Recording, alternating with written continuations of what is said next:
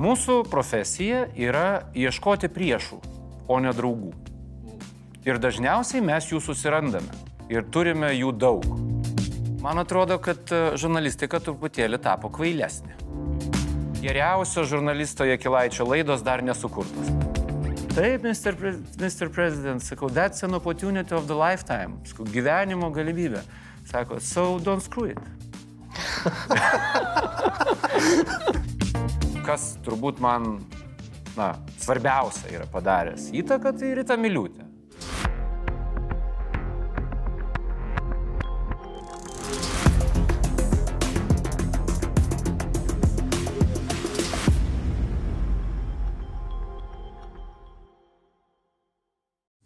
Kokios yra jūsų politinės pažiūros? Aš savo politinės pažiūras apibūdinčiau taip. E, liberalas, patriotas. Ar jūs save laiko tikinčių žmogų? Taip. E, koks yra, kaip jūs suprantat savo santykių su valstybė? Rolė valstybei. Aš galvoju, kad valstybė yra visų, nepaisant to, kas e, bebūtumėm, kiekvienas, ką veiktumėm. Ir mano santykis su valstybė yra toks pats kaip su šeima. Ką gali padaryti jos labui, tą darai. Prieš daugiau nei pusę metų tikriausiai paskelbėt, kad traukėtės iš aktualių žurnalistikos, nes žmona tapo premjerės atstovės spaudai. Ar sunkus sprendimas buvo? Ne, akimirksniu. E, Tiesą sakant, e, buvau apie tai pagalvojęs dar iki sprendimo likus turbūt keletui mėnesių, nes nujaučiau, kad taip gali būti, nes kai Ingrida Šimonytė kandidatavo į prezidentus, e, ji e, siūlė mano žmonai e, jungtis prie kampanijos. Ir šiaip jinai dirbus yra finansų ministrės Ingridos Šimonytės patarėja ir atstovė spaudai. Tai tokia tikimybė mano galvoje egzistavo ir aš buvau pagalvojęs, ką aš daryčiau tokiu atveju. Tai kai tai įsipildė, padariau tai, ką buvau pagalvojęs, nes tiesą sakant, kito varianto nelabai įsivaizdavau. Jau labai komplikuota man buvo, kai e, mano žmona dirbo į finansų ministerijoje, e, finansų ministrės patarėja. Užsienio ta- ministro patarėja. dar. Ir užsienio reikalų ministro, ir dar lygiai grečiai buvo Lietuvos pirmininkavimo Europos Sąjungoje, sakykime taip, komunikacijos vadovė. Tai e, tikrai komplikuota. e, O dėl ko komplikuota? Todėl, kad, e, pavyzdžiui, finansų ministrės Ingridos Šimonytės aš niekada nekviečiau į laidą nuo tos sekundės, kai mano žmona tapo jos atstovės spaudai. Tai buvo vieni įdomiausių mano interviu su finansų ministre, kuriuo aš turėjau atsisakyti. Tada sprendžiau, ką daryti, jai tapus užsienio reikalų ministro patarėja. Man, kaip aktualių žurnalistui, neįmanoma buvo išvengti užsienio reikalų ministro. Jis tiesiog neišvengiamas. Finansų ministro dar, dar, dar. Užsienio reikalų stengiausi jo nekalbinti vienas e, prieš vieną, su kažkokiuose kontekstuose. Tas ten ateina į laidą, sako, klausyk, tu čia prikvieti kažkokių politologų, e, nėra net kada pakalbėti ir taip toliau, e, o aš tai darau tik dėl to, kad, na, bandyti kažkaip tą sušvelninti padėtį. Bet tiesą sakant, e, na, nemanau, kad būtų įmanoma dirbti aktualių žurnalistų tavo žmonai, užimant iš esmės svarbiausio šalyje politiko atstovo spaudai pareigas. Tai yra, yra pasaulyje buvę įvairiausių atvejų. Mes žinom, kad ten kokios Kristian Amampur e, vyras buvo valstybės departamento spauksmenas, tuo pat metu jinai buvo CNN užsienio naujienų redaktorė ar dar kažkas. Bet e, manau, kad tai išimtis. Taisyklė turėtų būti tokia. O ar trūksta e, laidų vedimo ir buvimo eterėje kasdieną? trūksta ne ta prasme, kad aš ten pasil- pasilgstu adrenalino ar dėmesio ar dar kažko. Mano nepasikeitė rutina. Aš skaitau viską, kas parašyta. Aš tarsi ruošiuosi laidai, kurios nebus iki šiol. Kiekvieną dieną, na, įsijungi ten Lietuvos radiją ar ten labą rytą kaip foną, tada skrolini visus portalus, žiūri, kas čia vyksta, bet tai yra, na, dalykas, kuris susiformavo per 20 daugiau metų ir tu to niekaip neatsisakysi. Ruošiuosi tam, ko nebus. Tai, uh, tai va, tai toks dabar gyvenimas, o iš tikrųjų tai turiu daug veiklos, turiu labai daug e, prasmingų dalykų, kurie, kurie man yra įdomus. Ir aš kaip produceris jau pats savo esu pasakęs prieš daugybę metų, kad jeigu taip Dievas duos ir galėsiu sauliaisti, gyvenime daryti tik tai tai, kas man kelia aistrą ir meilę, tai būtų didžiausia gyvenime sėkmė. Tai aš dabar labai džiaugiuosi, kad aš kuriu dokumentinius filmus apie, nežinau, medininkų žudinių 30-metį, apie Jono Karolį Hotkevičių, nacionalinę ekspediciją, dalykus, kurie man pačiam, jeigu aš būčiau žiūrovas, aš juos tikrai žiūrėčiau. Tai Man atrodo, kad man kūrybinė prasme e, tikrai nėra kažkoks sudėtingas laikas.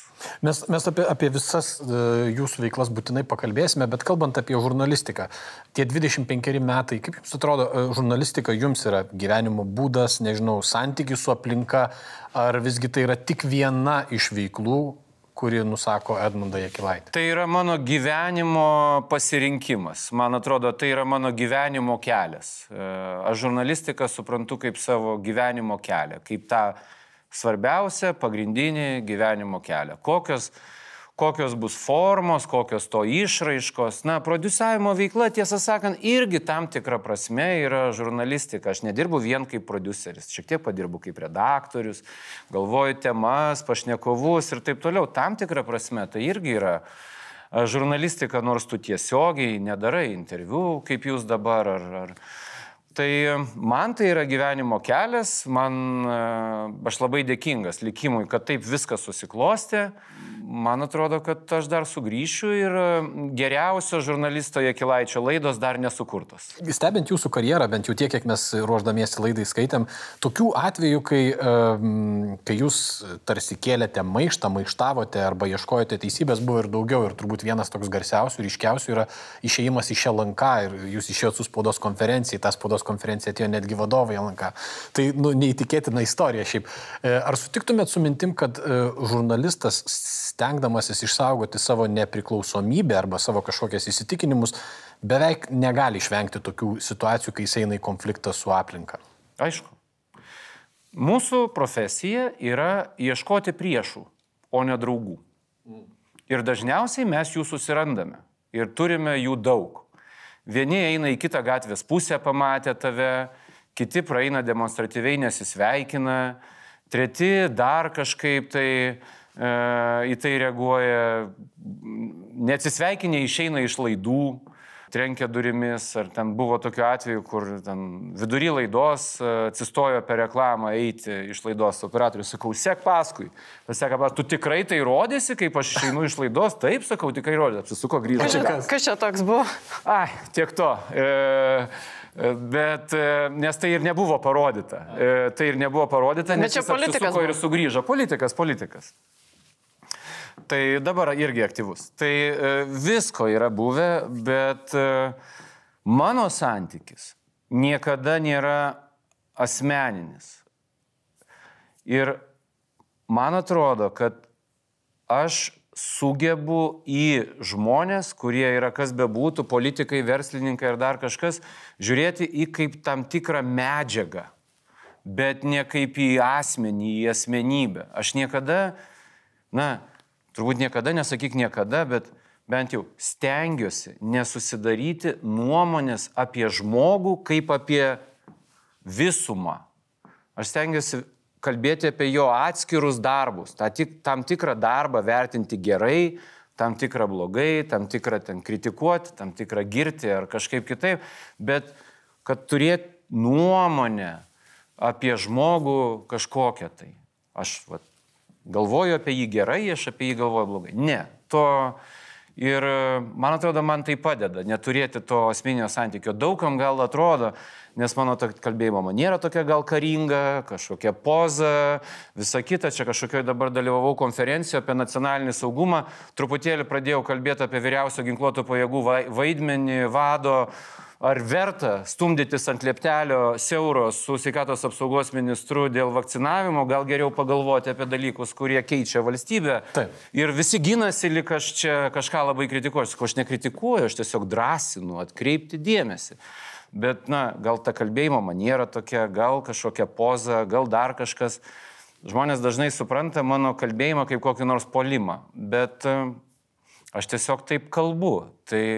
Ir e, jūs nekartą beje esate sakęs apie tai, vat, e, ir, ir apie tai, kad į pašnekovus tarsi žiūrit kaip į faktūrą arba medžiagą laidom. Bet kaip tai pavyksta? Ar tai yra charakterio savybė, ar tai yra kažkoks išsiugdytas profesionalo bruožas? Man atrodo, išsiugdytas. Man atrodo, tą savybę šiaip reikia vystyti, kaip ir kažkoks aistringas santykis su profesija. Uh, Aišku, gal tai yra kažkokios savybės duotos e, žmonėm, na, kažkiek pasinerti, sugebėti pasinerti į tai, ką tu darai visam. E, visam ir kad kai tu kažką darai, e, tie, kas tai mato, turi tai suvokti, kad tau tai yra šiuo metu svarbiausias dalykas gyvenime, kad tu negalvoji ten apie verdantį puodą ar ten kokį nors e, kažką, e, nuleistą padangą. Tu esi tame momente visas čia. Tokios savybės ir tos, na, e, nevertinimas žmogaus kaip, kaip, kaip ne, ne, neapibendrintas žmogaus vertinimas, man atrodo, žurnalistams labai galėtų būti svarbi savybė nes iš tiesų na, mes apie visus, mes savęs net dorai nepažįstame daugeliu atveju. Ką jau kalbėti apie, apie kitus žmonės. Nežinau, čia turbūt kas nors nugrius e, išgirdęs, bet net ir koks Ramūnas Karbauskis, aš jo nevertinu kaip kažkaip tai visumos. Kaip blogo žmogaus. Kaip blogo žmogaus. Jūs turbūt žurnalistikos istoriją anksčiau ir vėliau įeisite kaip interviuotojas ir čia be to be jokio patoso galim pasakyti interviu meistras turbūt, ar ne? Kodėl jūs pasirinkote būtent tokią žurnalistikos raiškos priemonę? Kodėl interviu? Ne, aš buvau reporteris, buvau, turėjau tais laikais man buvo suteiktos tokios unikalios galimybės. Tai niekas tokio statuso Lietuvoje daugiau neturėjo. Aš buvau toks specialusis korespondentas, galėdavau daryti, ką noriu ir man, iš manęs nereikalavo padaryti šiandien. Aš pasiemu portfelį, išeinu į Seimą ir kada man reikia, aš pasikviečiu operatorių. Tai darydavau tyrimus įvairiausius, ten ko tik nebuvo ir ten tų ministrų jau ten juokėsi draugai, kiek čia žvaigždučių pasiekilaiti nuo tų kritusių ministrų ir ko ten tik nebuvo.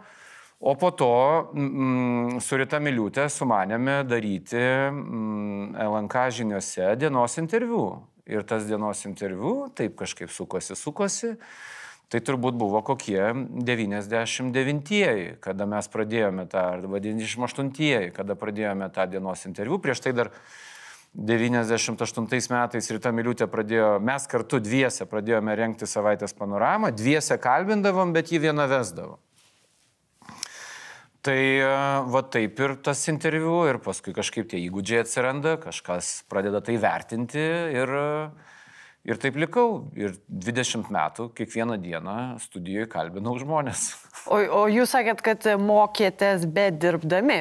Ką jūs laikot savo mokytojais? Iš ko, kitaip tariant, jūs mokėtės, pavyzdžiui, kalbinimo kažkokių strategijų arba ar, ar yra kažkokių žmonių, kas būtų kalbinimo strategijų? Tai ne. Man atrodo, čia yra toksai dalykas, kurį tu susikūri pats kaip tu pats nori kalbinti žmonės. Aš susikūriau tam tikrų technikų, kurias kartais, kartais pamirštu, kartais prisimenu, kartais interviu būna geri, kartais visai blogi. E, visko būna. O taip, ką sakyčiau, kas turbūt man na, svarbiausia yra padaręs įtaką, tai Rita Miliūtė. Ji buvo mano tikra pirma vadovė, kuri skiria laiko, tobulėjimui ir taip toliau, kuri ten analizavo, pasakojo patirtis, taip žiūrėjo vakarietiškai į vadovavimą žinių tarnybai. Įdomus buvo tie laikai ir esam buvę ten su kažkokiais tyrimais irgi pastebėti tuose apdovanojimuose. Gal toks pirmas buvo mano susiekimo ministro Žvaliausko atsistatydinimas po mano reportažo. Tais laikais ministras statydavo po dviejų dienų. Papasakokit vat, apie Žvaliausko atsistatydinimą. Pavyzdžiui, aš tai nežinau tos istorijos. Šiais laikais niekas neatsistatydintų. Biškai Net- Narkevičiaus istorija, man atrodo, primena. Truputėlį tai, bet e, tai yra, na, už tai aš, pavyzdžiui, Narkevičių kalbindamas jam ir priminiau tą e, Žvaliausko atvejį. Paprastai tariant, privačios ir valstybinės kompanijos veikiančios Klaipėdos uoste susimetė pinigus, nusisamdė e, tuo metu valstybei priklausantį, na, privatų lėktuvą, nes tai nedidelis reaktyvinis lėktuvėlis Jetstar, nuskrido į Švediją. Ministras vizito metu dar susitiko su Švedijos susiekimo ministru, bet tuo pat metu medžiojo su tų įmonių vadovais. Tais laikais tai buvo nesuvokiamo dydžio skandalas. Vyriausia tarnybinės etikos komisija per dieną pasakė, kad tai niekaip nesugretinama su ministro atliekamomis pareigomis ir premjeras Vagnorius pats teikė ministro atleidimą iš, e, iš pareigų.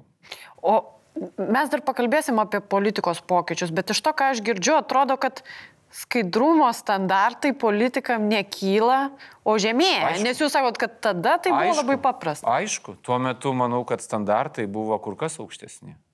Etikos, moralės standartai. Žinoma, kad uh, daugybė atvejų, daugybė atvejų, prisiminkime, tik prisiekusi ten kokį Vagnoriaus vyriausybės finansų ministrą, uh, Respublika parašė vieną straipsnį, kitą dieną to ministro nėra. Tik vyriausybė prisiekė. Mėno. Mm. Ministras.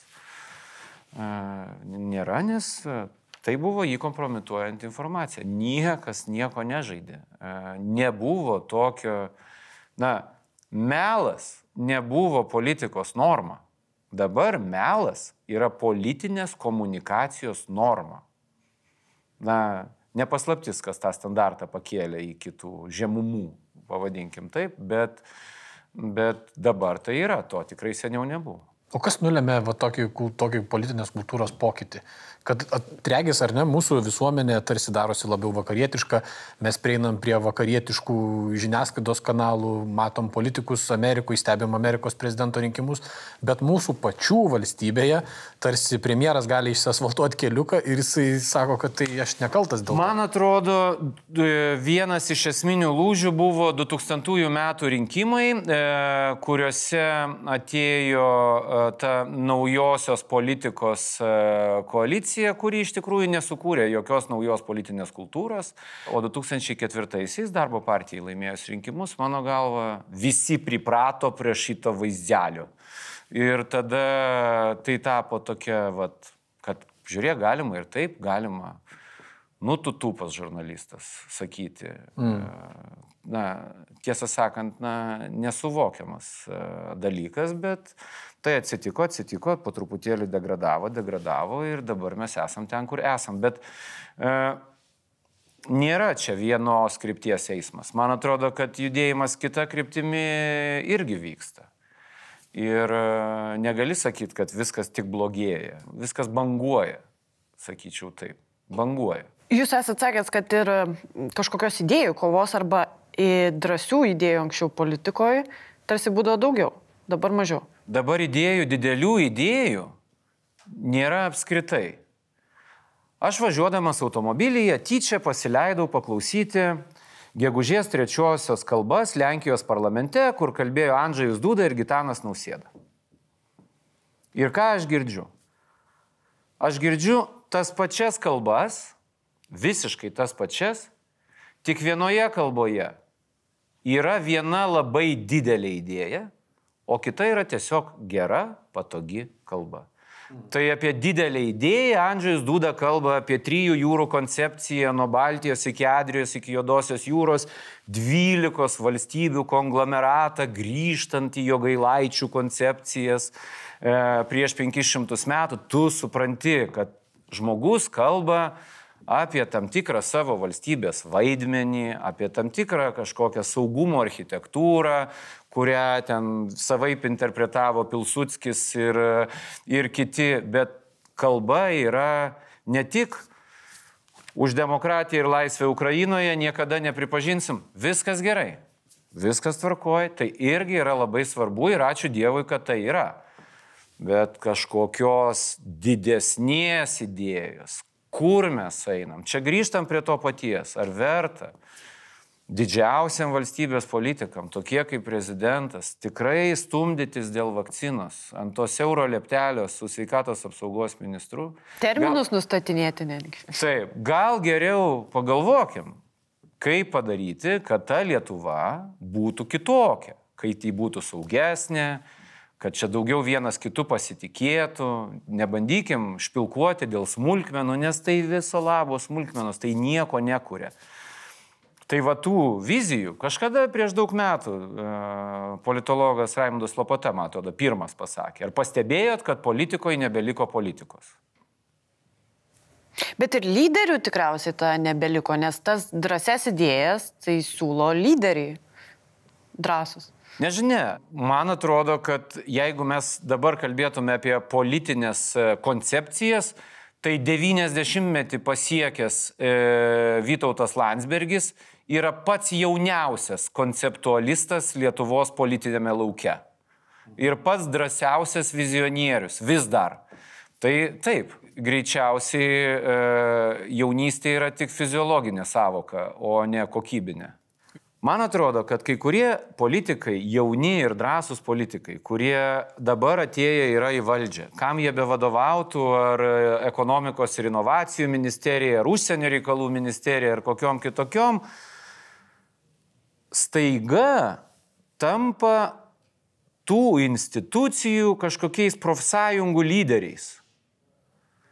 Aš tai vadinu instituciniu patriotizmu, kuris Lietuvoje yra viena iš didžiųjų blogybių, kad žmonės pradeda galvoti apie savo instituciją. Tik tai vad kas už jo. Jie negalvoja apie tai, kiek jų institucija gali būti naudinga ne pačiai sistemai, o visai visuomeniai. Kad tas politikas, kuris atėjo vadovauti institucijai, jis yra visuomenės siūstas pavergti tą instituciją visuomenės labui.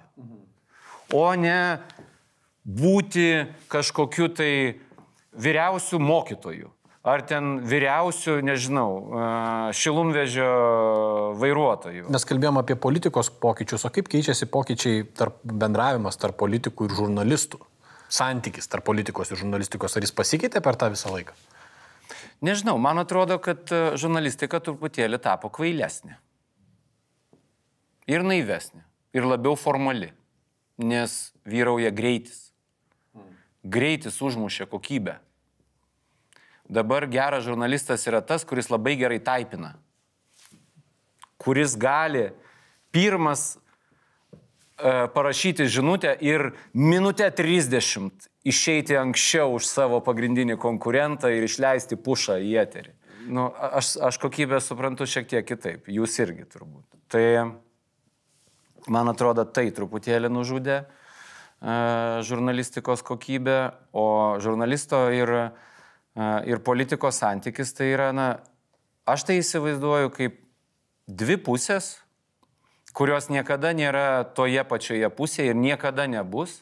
Tarp jų yra, pavadinkim tai, griovys, e, upė ar dar kažkas. Bet viena pusė ir kita pusė gerbė viena kitą iš principo, laiko viena kitos veiklą svarbia ir naudinga. Ir ta pagarba turėtų būti lygiai vienoda ir iš vienos upės pusės į kitą, ir iš kitos upės pusės į aną. Tai yra du ypatingai svarbus, mums tikrai reikia kokybiškos politikos, mums tikrai reikia kokybiškos žurnalistikos ir net esu tikras, kad vienas su kitu yra susiję. Susiję vienas gimdo kitą. Jeigu politikai bus kokybiški, intelektualūs, turintys idėjų, pamatysite, kaip kvaili klausimai protingės. Lygiai tas pats iš kitos pusės. Nežinau, man, man aš tą suvokiu kaip labai aiškę ribą ir e, aišku, kad turėjau gyvenime įvairių galimybių ten, ką nors, ar pasiūlymų ten kažkaip tai per tą upę perbristi į kitą pusę, bet man tai yra neperžengiama riba, nes tai yra visai kitas mąstymas, visai visai kita idėja tos veiklos. Ji nepanaši mano galva. Net. Jūs beje esate sakęs, kad dabar per dažnai per tą griovį laipiojo tiltai žurnalistai į vieną ar kitą pusę ir kad čia turėtų būti vienkryptis eismas. Aš manau, kad vienkryptis tai turėtų būti eismas. Kodėl? Nors mano žmona man kažkada yra pasakęs, kad mano svajonė tai turbūt būtų vesti radio žinias. Ramiai renkti ir vesti radio žinias. Bet čia gal silpnumo akimirka, tai nežinau, gal jinai galvoja kokį nors lieptelį nusitiesti po 15 metų atgal. Bet jeigu kalbant rimtai, tai man atrodo, kad ėjimas į politiką ir netgi uh, sutikimas būti politiko patarėjų ar atstovus spaudai yra gyvenimo sprendimas, o ne kadencijos sprendimas. Iš to, ką mes dabar va, kalbėjom apie, apie tai, kad skaidrumo reikalavimai tarsi politikų kyla ir apie politiko ir žurnalisto santyki. Aš e, vienam interviu girdėjau jūsų pasakojimą įdomią istoriją apie ministrės patarėją, kuris jums atnešė kompaktą. Gal galite papasakoti? Galiu papasakoti, tai buvo antras mano gyvenime ir paskutinis pasiūlytas kyšis pirmą kartą susidūriau su tuo, tai ten, na, aišku, čia tragikomiška istorija, buvau Kauno dienoje kažkaip praktikantas, nuvažiavau filmuoti tokios pagyvenusios moteriškės Amerikos lietuvės ir ten nefilmuoti, o kalbinti. Ir e, jinai atsisveikindama man grūda 50 litų. Nu, tai mes pasijokėm su fotografu, ponė, tikrai čia ne ta Lietuva, viskas čia kita Lietuva. Nereikia čia duoti tetai iš Amerikos žurnalistui ant, nežinau, ant batono. tai pasijokėm ir tiek. Ir paskui kitas kartas jau buvo po keliolikos metų, tai esu paskas tą istoriją, atėjo pas mane į kabinetą, tuo metu dirbau produceriu ir žurnalistu atėjo į kabinetą vienos, vieno politiko, pavadinkim taip, atstovas spaudai ir sako, čia mes išleidome, mūsų ministerija išleido naują medžiagą apie, apie ministerijos veiklą, čia tau nuo ministerijos, nuo ministrės. Nu, va, jau išsidaviau bent lytį. Mhm. Tai aš tą kompaktą sukinėjau, sukinėjau, baigiam, baigiam kalbėti ir kažkaip jis išėjo ir aš taip kažkaip atkreipiau dėmesį, pra, pravėriau, toks buvo vokelis, į kurį įdėti du kompaktojo, tarp jų krūva pinigų po 500 litų. Krūva kupiūrų. Nu, ten manau, kad buvo kokie 5000 litų, tais laikais tai tikrai buvo didelė suma. Bet aš dar jį spėjau pagauti redakcijai, sakiau, kad, na, šiaip pagal idėją, nes aš jį pagavau ant laiptų, sakau, turėčiau tave nuo tų laiptų ir nuleisti už, tokį, už tokią provokaciją. Bet sakau, gal tu pasimk ir daugiau niekada neteik. Tai va tuo viskas ir, ir baigėsi. O kodėl jūs kalbat be pavardžių? Nes atrodo, kad tai gali būti politiko, na tai akivaizdu, kad yra nesažininga, galbūt ir neteisėta taip elgtis.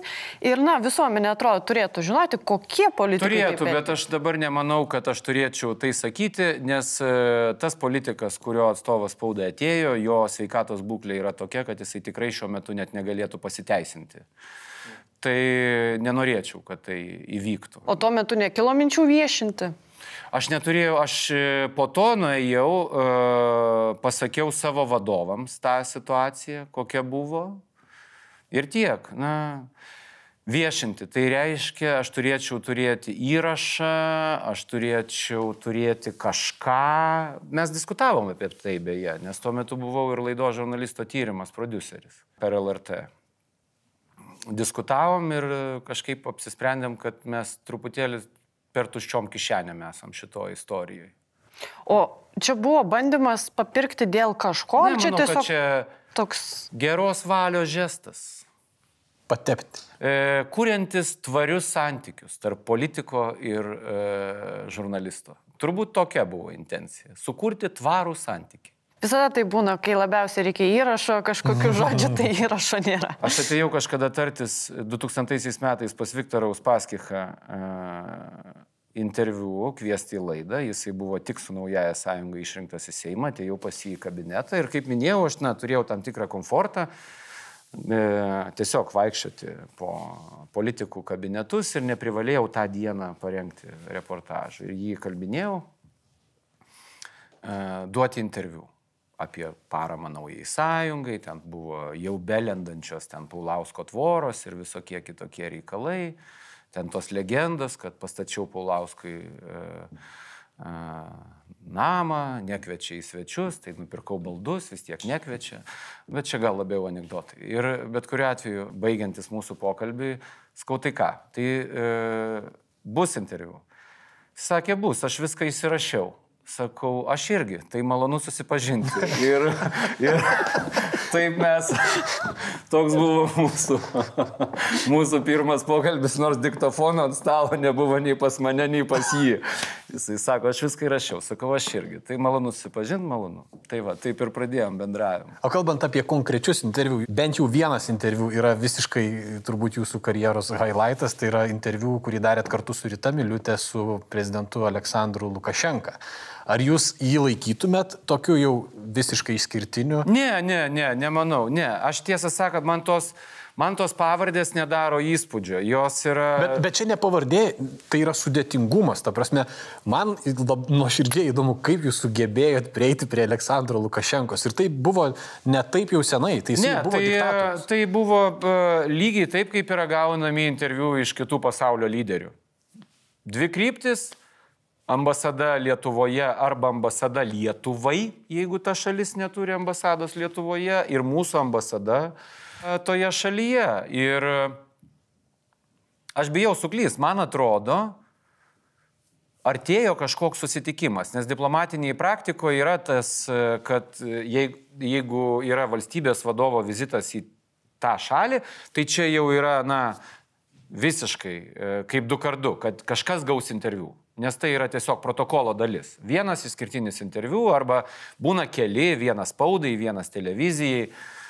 E, nepamenu, kai buvo, man keiščiau gal buvo, kad aš tenai atsidūriau, nes LRT buvo Rita Miliutė su savo visa e, LRT gale, o aš atėjau iš mažo kioskelio, iš pakelės kiosko ir atsisėdau šalia Maksimos. Tai Tai, tai, vat, tai gal buvo labiau fenomenas, e, nes aš tuo metu dirbau Lietuvos įto televizijai, kuri ten turėjo, nežinau, 2,5 procentų auditorijos, o Rita Miliutė buvo iš didelio, didelio organizmo. Tai va, tai, tai kažkaip pavyko, dedant visas įmanomas pastangas, e, prisėsti šalia. O jūs gal prisimena to interviu kažkokius užkulsius, ar reikėjo derinti klausimus, ar buvo tarnybų patikrinimui prieš interviu? Nieko tokio ypatingo nebuvo. Tik tai pas jį yra, na, visigi žinom, yra tas, kaip rusai sako, slaviesni panos, kur jisai pradeda kalbėti ir negali sustoti. Tai norint užduoti antrą klausimą, tu turi išklausyti 20 minučių atsakymų į pirmą.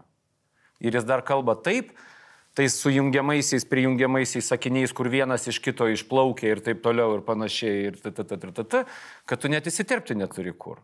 O dar tas visas stotas, visa ta apsauga, visa ta poza, toks pasijunti, mhm. truputėlį mažesnis. Tai, tai bendravo interviu... su jumis po interviu. Kažką persimetėm žodžiu, vienu kitu, bet ne Jisai e, atsintė prieš tai atstovą spaudai, e, įsiaiškino, kaip tarti mūsų vardus, tas detaliai užsirašė, kaip tariama, nu, ryta čia viskas aišku, kaip Edmundas, bet kreipėsi vardu tik į ją, nes tas keturskiemenis lietuviškas e, vardas vis tiek, man atrodo, sunku buvo Aleksandrui Grigorievičiui. Jūs, jūs darė dar tokį irgi išskirtinį interviu su, su, su Jesiru Arafatu. Ir e, jeigu aš gerai pamenu, tas, tas interviu buvo tarsi improvizuotas, jūs ne, nesitikėjot jo, ar negalite papasakoti tą istoriją? Taip, tai buvo uh, toks vizitas surprizas. Jasiras Arafatas iš Maskvos skrisdamas kažkur, gal į Paryžių, gal į Londoną, nusileido trumpam sustikimui su valdo Damku. Ir apie tai buvo pranešta, skambinu iškart Violetai Gaižuskaitai, prezidento atstovai spaudai, skau, ar yra nors kokia galimybė. Nežinau, turbūt, kad ne. Ai, važiuoju. Geriausia bandyti. Čia yra, jeigu išgirsi ne, bet nepabandysi, tikėtina nieko nebus. Bet išgirsi ne ir pabandysi, kaip man atsitiko su na, Ukrainos prezidentu Zelenskiu, kuris davė iš vis pirmą interviu po išrinkimo, iš vis kam nors. Tiesiog, na, stovėjau ir laukiau ir, ir zyziau, kad sutiktų, randau, rand, radau bendrų pažįstamų, paminėjau bendrų pažįstamų pavardės ir jisai sutiko. Na, tai grįžtant prie Arafato, tai interviu su Arafatu filmavau tokioje aplinkoje, kad čia sėdėjo, kaip jūs dabar, Jasiras Arafatas, čia stovėjo prezidento patarėjai užsienio reikalų ministras Saudargas ir kambario gale prezidentas Valdas Adamkus. Mhm. Seven minutes, sakė. Viskas. Ir paklausiau, ar Jūsų vizitas į Lietuvą nesugadins Lietuvos ir Izraelio santykių. Ministras Saudargas darė taip. Fone. Nuėjo tolyn ir nuo to prasidėjo pokalbis. Tai šitas buvo tikrai toks.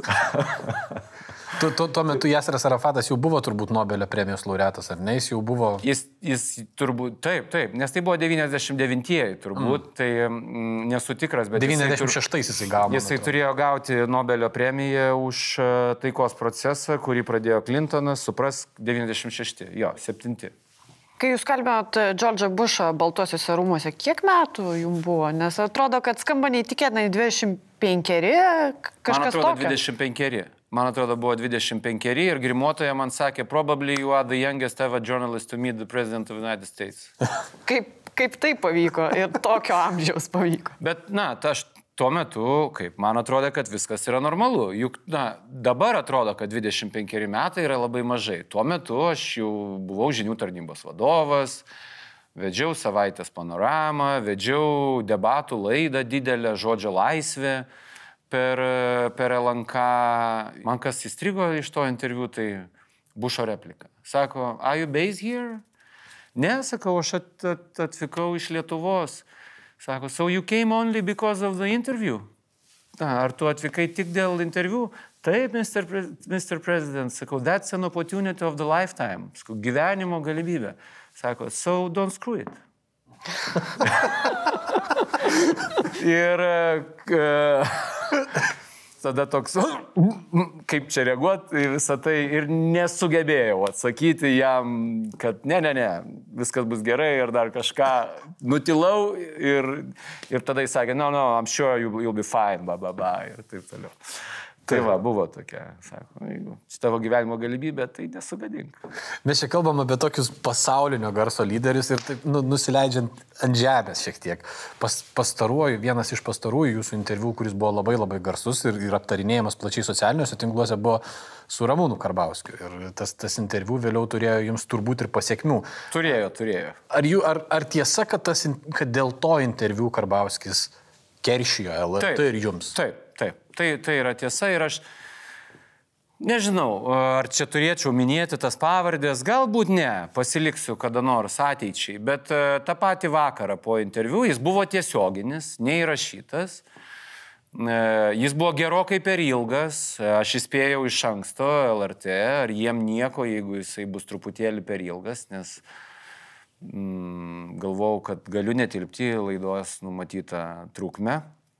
LRT leido, nes buvo čia tas Gretos istorija ir visa kita. Tai čia apie tai ir buvo, kuris kartoja, kad visus klausimus atsakys mokesčių inspekcija gal 20 kartų tą patį. Taip, taip, taip. Ir už kur aš uždavinėjau iš esmės e, panašius klausimus e, irgi tiek pat laiko.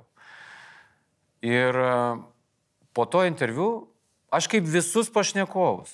Baigėsi interviu, paspaudžiu ranką, viskas baigėsi. Ir aš pereinu vėl į normalų bendravimą. Ir aš matau, kad na, negrįžta žmogus į realybę. Jisai dar ten, tame interviu. Ir aš jį lydžiu LRT ilgais koridoriais iš studijos ir aš bandau ten kažką kalbėti, kaip čia kažką politika, ten kaip čia ta, ta, kažkokius dalykus, suprantu, kad čiu, viskas. Ir aš jį... Jis nekalbėjo, nieko neatsakinėjo? Jisai, mhm, mhm, mhm, bet supratau, kad, na, jokio nebuvo, taip, yra buvę žmonių, kurie nieko nepasakė, baigęs laidą, numeta mikrofoną ir išeina. Ir po to praeina kažkuris laikas, atlyšta, bet uh, kai aš jį išlydėjau, man paskambino vienas labai žinomas politikas, užėmęs labai labai aukštas pareigas.